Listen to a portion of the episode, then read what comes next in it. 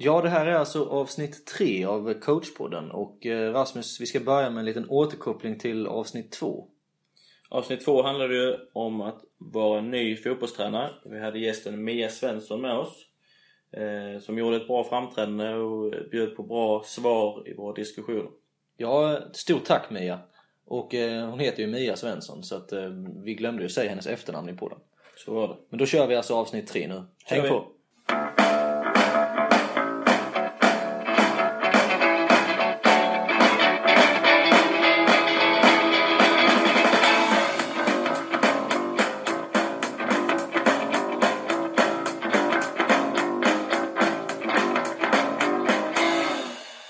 Välkommen till coachpodden avsnitt 3. Idag kommer vi prata om resultat kontra utbildning i ungdomsfotboll och eh, till det har vi bjudit in en gäst som heter eh, Jonas Bjurbrandt och jobbar som föreningskonsulent i Sölvesborgs GIF.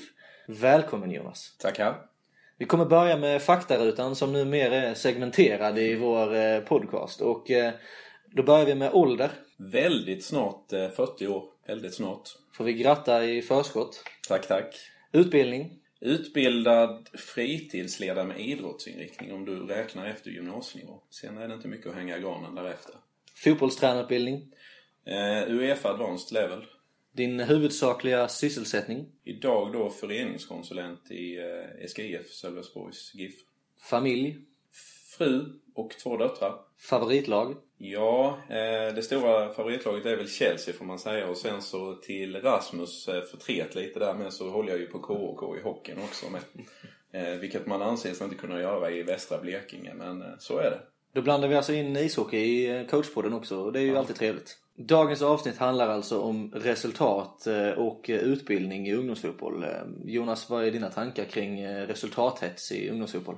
Ja, det den är väl rätt stor måste man ju säga. Den drivs väl fram av, av eh, vuxenvärlden på olika sätt. Ehm, hade du ställt frågan till mig för ja, 10-15 år sedan någonstans när jag började min tränargärning så hade jag kanske sagt att resultat var rätt viktigt. Men frågar du mig idag så eh, väldigt, väldigt sekundärt. Tycker att eh, hur vi utbildar våra spelare Eh, att både ta till exempel en vinst och förlust och vi ger dem olika saker i bagaget eh, är mycket viktigare än var man hamnar i en serie. Förstår ju att alla kanske inte håller med mig och säger att man tar bort vinnarskallen när man tar bort resultat. Men enligt mig eh, så köper inte jag den diskussionen i alla fall. Vilka skulle du säga driver detta i, i lagen? Bra fråga. Eh, det är väl alltid från ledare till föräldrar som är runt om till, eh, till föreningen i sig jag brukar ju, vad ska man säga, jag brukar titta i tidningarna och så ser man när lag skickar in var och varannan vecka att man har vunnit en kupp eller tvåa i en kupp och man står där och stoltserar med medaljerna och så vidare. Precis som att det är det som eh, styr hur bra spelare man har. Ja, där, där, där ligger det väl någonstans. Jag tycker att eh, det, det diskuteras kort och gott för mycket resultat. Eh, och, och förstår egentligen inte varför vi ska prata resultat under 15 någonting på olika sätt. Hur kan man jobba för att främja utbildning och prestation i ungdomsfotboll? Men det handlar ju om att prestation. Jag kan ju bara ta, jag har väl gjort en resa själv med ett, ett flicklag som jag har tränat sedan de var åtta tror jag. Tiden går så att jag, jag tror det är så lång tid och nu går de in på sitt tolfte respektive trettonde år. Um, har väl blivit mitt eget lilla testprojekt på olika sätt där man har lärt sig både vad som är rätt och fel. Men um, vi pratar ju mycket om, om prestationen i match. För att när vi summerar en match så ska vi vara nöjda med vår prestation. Att vi kan ha fått stryk med 5-0 men ändå ha gjort en fantastisk prestation. Och då lägger vi mycket fokus på det och lägger resultatet sekundärt. Så att vi har väl nästan ett förbud att, att uh, titta i serie. Titta hur det står på BFFs hemsida eller något sånt här. Att, uh, det är inte det vi mäter. Då kommer vi in till nästa intressanta fråga. Bör vi ha serier egentligen? Uh, vad går dina tankar om det Rasmus? Ja, det är ju en, det är ju en intressant fråga för att jag menar på att jag håller med Jonas till, till fullo att resultatet är högst sekundärt. Dock så, så kommer den här eh, seniortränarkänslan in i mig också när man pratar om, om att eh, varför ska man inte kunna ha serier? Eh, man kan fortfarande räkna mål och räkna poäng men man måste poängtera att det är inte det viktiga i, i själva sammanhanget. Man ska, precis som Jonas säger också, att man ska kunna lära sig ta en förlust och lära sig vinna med respekt. Men det är fortfarande inte själva resultatet som är det absolut viktiga utan det är att spelarna eh, får utbildas, får mycket speltid. Ja, vi nämnde ju inte det i avsnitt två där vi pratade om hur det var att vara ny tränare. Men matchen är ju också ett utbildningstillfälle. Det är ju också ett träningstillfälle. Så att man kanske inte ska eh, sätta matchen som en, på en piedestal utan jobba med eh, matchen som ett utbildningstillfälle också. Och vad tänker du kring det Jonas? Men man får ju gå lite till egna erfarenheter man gör. Vi, vi har ju valt att göra nu i år mycket på, på tjejernas egen önskan att vi delar upp matchen i fyra delar. Vi eh, spelar ju två gånger 35 och så delar vi upp i olika delar där vi ska i varje fjärdedel om man så säger ha olika saker som vi kanske på något sätt har uppnått och så summerar vi det efter matchen sen.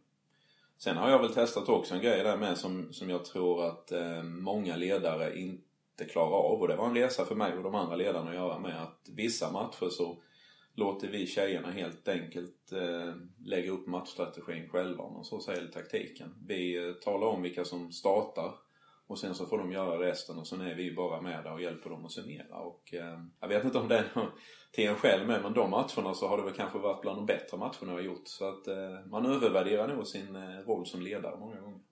Behövs vi eh, tränare egentligen i ungdomsfotboll? Absolut behöver vi det. Behövs vi med vår erfarenhet och kunskap så med. Men vi måste vara beredda på att släppa mycket på, eh, på våra egna gränser och låta dem planera egna träningar. Men jag menar, hur många 12-13-åringar, om man tar ett exempel, klarar att plocka ut en startelva själva utan att det blir total eh, kaos i gruppen? Det, det är ju väldigt få grupper som klarar det. Där fyller vi ju en viktig funktion, till exempel. Eh, så nog behövs ju alltid med vår erfarenhet och kunskap, det tror jag. Ja, en intressant tanke där är ju också det här eh, kontra skolvärlden när man eh, pratar kreativitet. Som Jonas nämner här att, att man låter spelarna ta ut eller göra matchplanen tror jag är utbildande i sig också för spelarna att då få, få använda sin kreativitet att få lära sig spelet fotboll också. Så att inte vi som ledare säger att så här ska det vara och ta bort den kreativiteten som faktiskt behövs inom spelet fotboll också. Eh, som man då kanske i, i skolan kanske gör att matematik lär man ut att 1 plus 1 är 2 och sen så ju längre det går i skolvärlden så, så kommer man längre in i det systemet och, och blir eh, pekad i en riktning och då, då kanske man tappar det här kreativa. Om vi ska återgå lite till temat då eh, så pratar vi ju eh, resultat idag och man gör ofta jämförelsen resultat med prestation. Men jag skulle väl snarare säga att man ska göra jämförelsen resultat kontra utbildning. Vad tänker du då Jonas, när jag säger så? Mm, bra fråga. Uh, ja, nej, men jag, inget sånt där jättedirekt konkret koppling till. Men uh, som du säger, att, att gör vi en bra prestation, då tror jag ju förr eller senare att det här resultatet uh, kommer på något sätt. Men det gäller ju att ha tålamod. Det gäller ju faktiskt att ha tålamod. Än en gång, jag, man kopplar ju mycket till den verksamheten man är Nu hade vi med det här tjejlaget fått, vi spelat mot överåriga i ett utbildningssyfte och eh, fått lite däng nu på sistone med och så lyckades vi vinna i helgen i en väldigt jämn match som kunde sluta hur som helst. Och då märkte man på tjejerna att det där var viktigare än vad jag trodde någonstans. De sa det när vi pratade om det på träningen att de var nog lite djupt nere i, i sina egna mentala tankar och behövde en vinst för att känna att ja, men vi kan ju. Vi, vi kan ju fortfarande någonstans. Så att eh, det är väl en, en del i det någonstans. Men i en drömvärld här då, om vi bara hade tryckt på utbildning sen tjejerna har börjat spela fotboll. Hade det påverkat dem eh, en stor förlust? Hade det påverkat på samma sätt då eh, jämfört med nu har vi ju ändå eh, delvis, eller stora, många lag har ju faktiskt resultatfokus i ungdomsfotboll också. Mm. Framförallt med föräldrar med som trycker på och, och också ledare eftersom att de i mångt och mycket är föräldrar. Mm. Men om vi helt hade utestängt föräldrar och vi hade haft eh, ungdomsledare som bara jobbar med utbildning och påtalat detta till tjejerna eller till killarna. Eh, tror du det hade blivit annorlunda då i den här enskilda matchen när man förlorar eller när man vinner? Ja, men jag tror ett litet sidospår på det är definitivt. Jag tror att vi hade behållit vissa spelare längre kvar i vår verksamhet. Det tror jag definitivt. Jag tror att x antal spelare slutar för att det är en resultathets. Sen kopplat till utbildning och så vidare. Jag vet faktiskt inte. Jag vet, eh, kan inte säga att jag har något exakt, någon exakt uppfattning där. Tror jag inte. Om vi återkopplar igen då till prestation, eh, resultat och utbildning. Är inte utbildning att vinna en match, att förlora en match? Ska man inte kunna ta en förlust? Är inte det utbildning? Jo, det var ju precis som vi var inne på innan att, uh, att man ska kunna lära sig hantera. För det, för det är både vinna som, som uh, med respekt och förlora med respekt. För fotbollen handlar ju egentligen inte bara om spelet fotboll utan vi, vi utbildar ju faktiskt uh, människor inom, inom fotbollen också. Det får man aldrig glömma. att man ska kunna hantera varandra med respekt helt enkelt. Så att absolut, matchen måste ju ses som en utbildning också. Där resultatet i sig inte är det viktiga men att man ska kunna hantera det i, i, i nästa läge ändå. Hur många gånger har vi inte sett den talangfulla spelaren som har sin förälder som tränare som har varit bra sedan de var små. Sen kommer de upp i ett seniorlag, det går tungt och sen så slutar de. Där är ju en del i den spelarens utbildning som inte har funnits. Och vad är det då? Att inte ha fått motstånd, tänker jag på direkt. Alltså, jag lite spinner vidare på det Rasmus säger här, att, att lära sig hantera både med och motgång är ju att fotboll är ju i högsta grad ett mentalt spel. Och lag eller spelare som bara går igenom och vinner och vinner och alltid är de framträdande. Så fort de får minsta lilla motgång så tenderar ju väldigt många att falla totalt rätt igenom. Så jag tror lite, än en gång kopplat till det du säger Rasmus. Eh, kan man gå igenom en hel ungdomsutbildning och ha vunnit ungefär lika mycket som man har förlorat så tror jag man har gjort den bästa resan. För att eh, vi ser ju jättemånga som har alla verktyg för att bli en riktigt, riktigt bra spelare. Men det fallerar på det mentala, det faller rätt igenom eh, någonstans. När det väl ska presteras, när man väl ska kliva över till en seniorverksamhet. Ja, och det mentala spelet pratade vi ju lite om i avsnitt 1. Eh, där vi pratade om skyttekungar och det är ju likadant här då. Min motfråga, jobbar vi eh, någonting med den mentala förmågan i ungdomslagen? Skulle du säga det Jonas? Alldeles för lite generellt sett tror jag. Eh, men det beror väl också givetvis på vilken eller vilka ledare man har, tror jag. Hur bryter man ner mental förmåga eller mental träning konkret? Jag skulle ju säga att det är hokus pokus.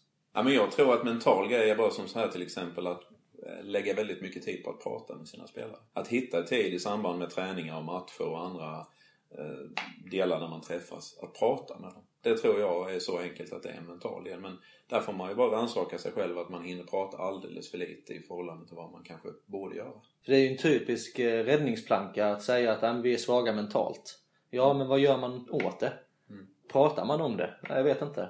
Nej men jag tror än en gång, så, hur många gånger läser vi inte i en tidning eller vi hör någon som uttalar sig att det var otur att eh, bollen gick stolpe ut istället för stolpe in. När det i, i grund och botten är bara eh, ren eh, skicklighet eller ren oskicklighet som gjorde att den satt någonstans. Så att, jag tror ju lite att man gömmer sig bakom det någonstans. Och det tror jag att eh, även yngre spelare kan göra. För de hör vuxenvärlden prata om det.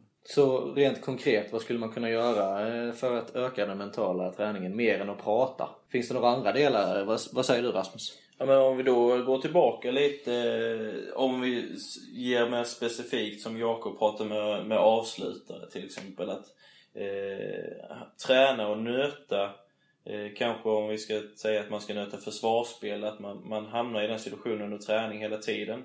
Då kan man direkt få hamna i situationer där man kanske misslyckas med en brytning. Och då kan man då hela tiden återkoppla till den här spelaren och förklara hur tänker du nu, hur tänker du, hur kunde du gjort annorlunda? För då får man både det mentala, att de, ja men nu ska jag bestämma mig för att nästa gång ska jag göra så här och vinna bollen. Och att de får rätta till det, få återkoppling från ledaren och få synas. Det tror jag kanske är ett sätt man kan göra för att de ska kunna känna det här att nej, istället för att slå ner sig så är det knyta näven och vinna bollen nästa läge.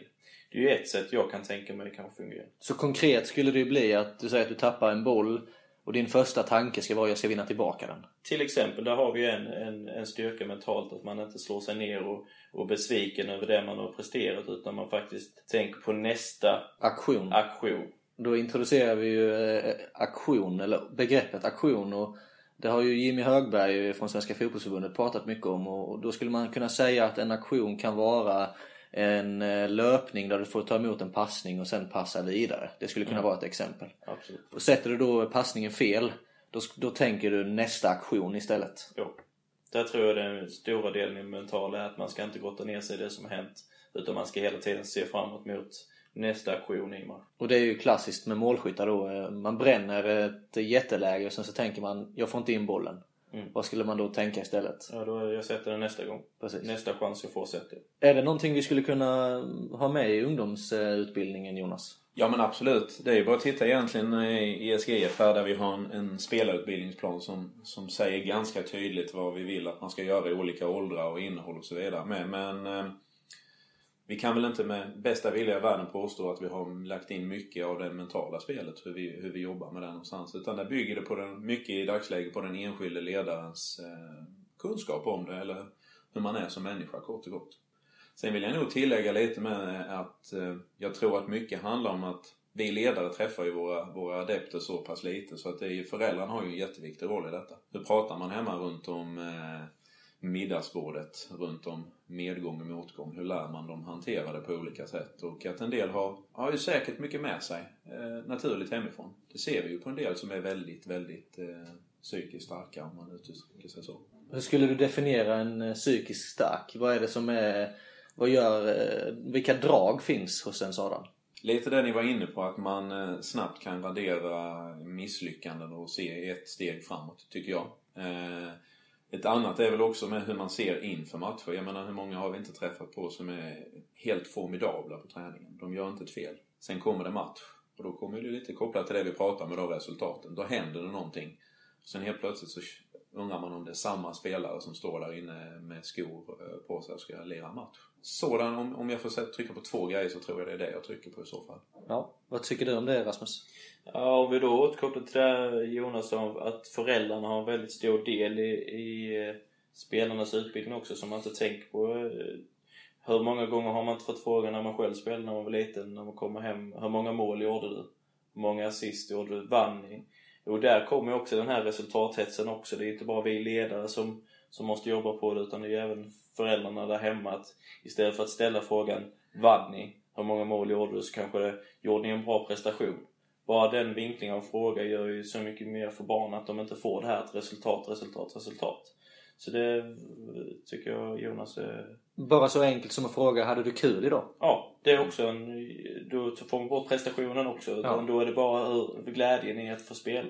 Men vilken ska lära föräldrarna detta? Vi pratade i senaste avsnittet med mig också om riktlinjer i utbildning med spelutbildningsplan och sånt. Jag tycker att föreningen skulle kunna, det, jag vet att föreningen har svårt att styra hur det ser ut där hemma, men att försöka gå ut med policies eller en riktlinje i en värdegrund eller vad som helst där, det är att vi, vi vill att vi ska försöka följa denna så mycket det bara går för att spelarna ska känna sig trygga i den miljön vi är i.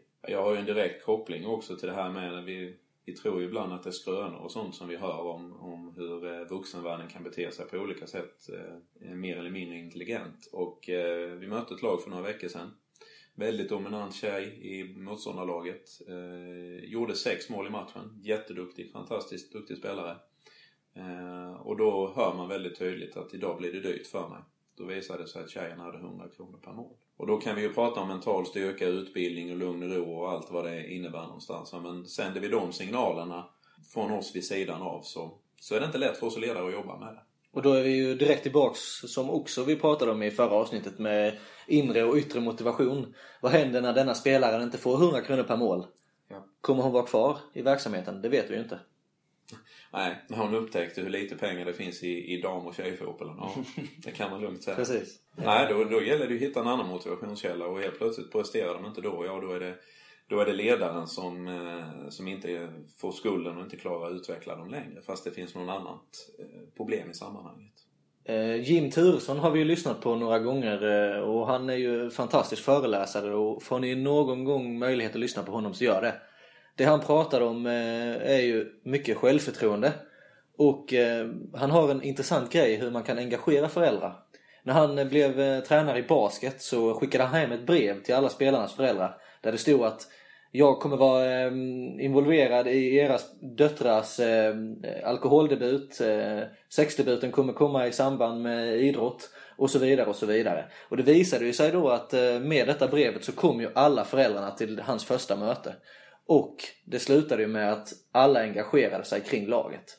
Är det någonting vi skulle kunna använda eh, även i eh, Sölvesborgs GIF eller i andra föreningar Jonas? Definitivt. Vi, är- vi är ju eh, ofta för dåliga att kommunicera med föräldrarna på det. Utan kallar vi till ett föräldramöte så pratar vi om hur eh, planeringen ser ut för säsongen, vilka som ska vara ledare och när man har träningstillfälle och så vidare.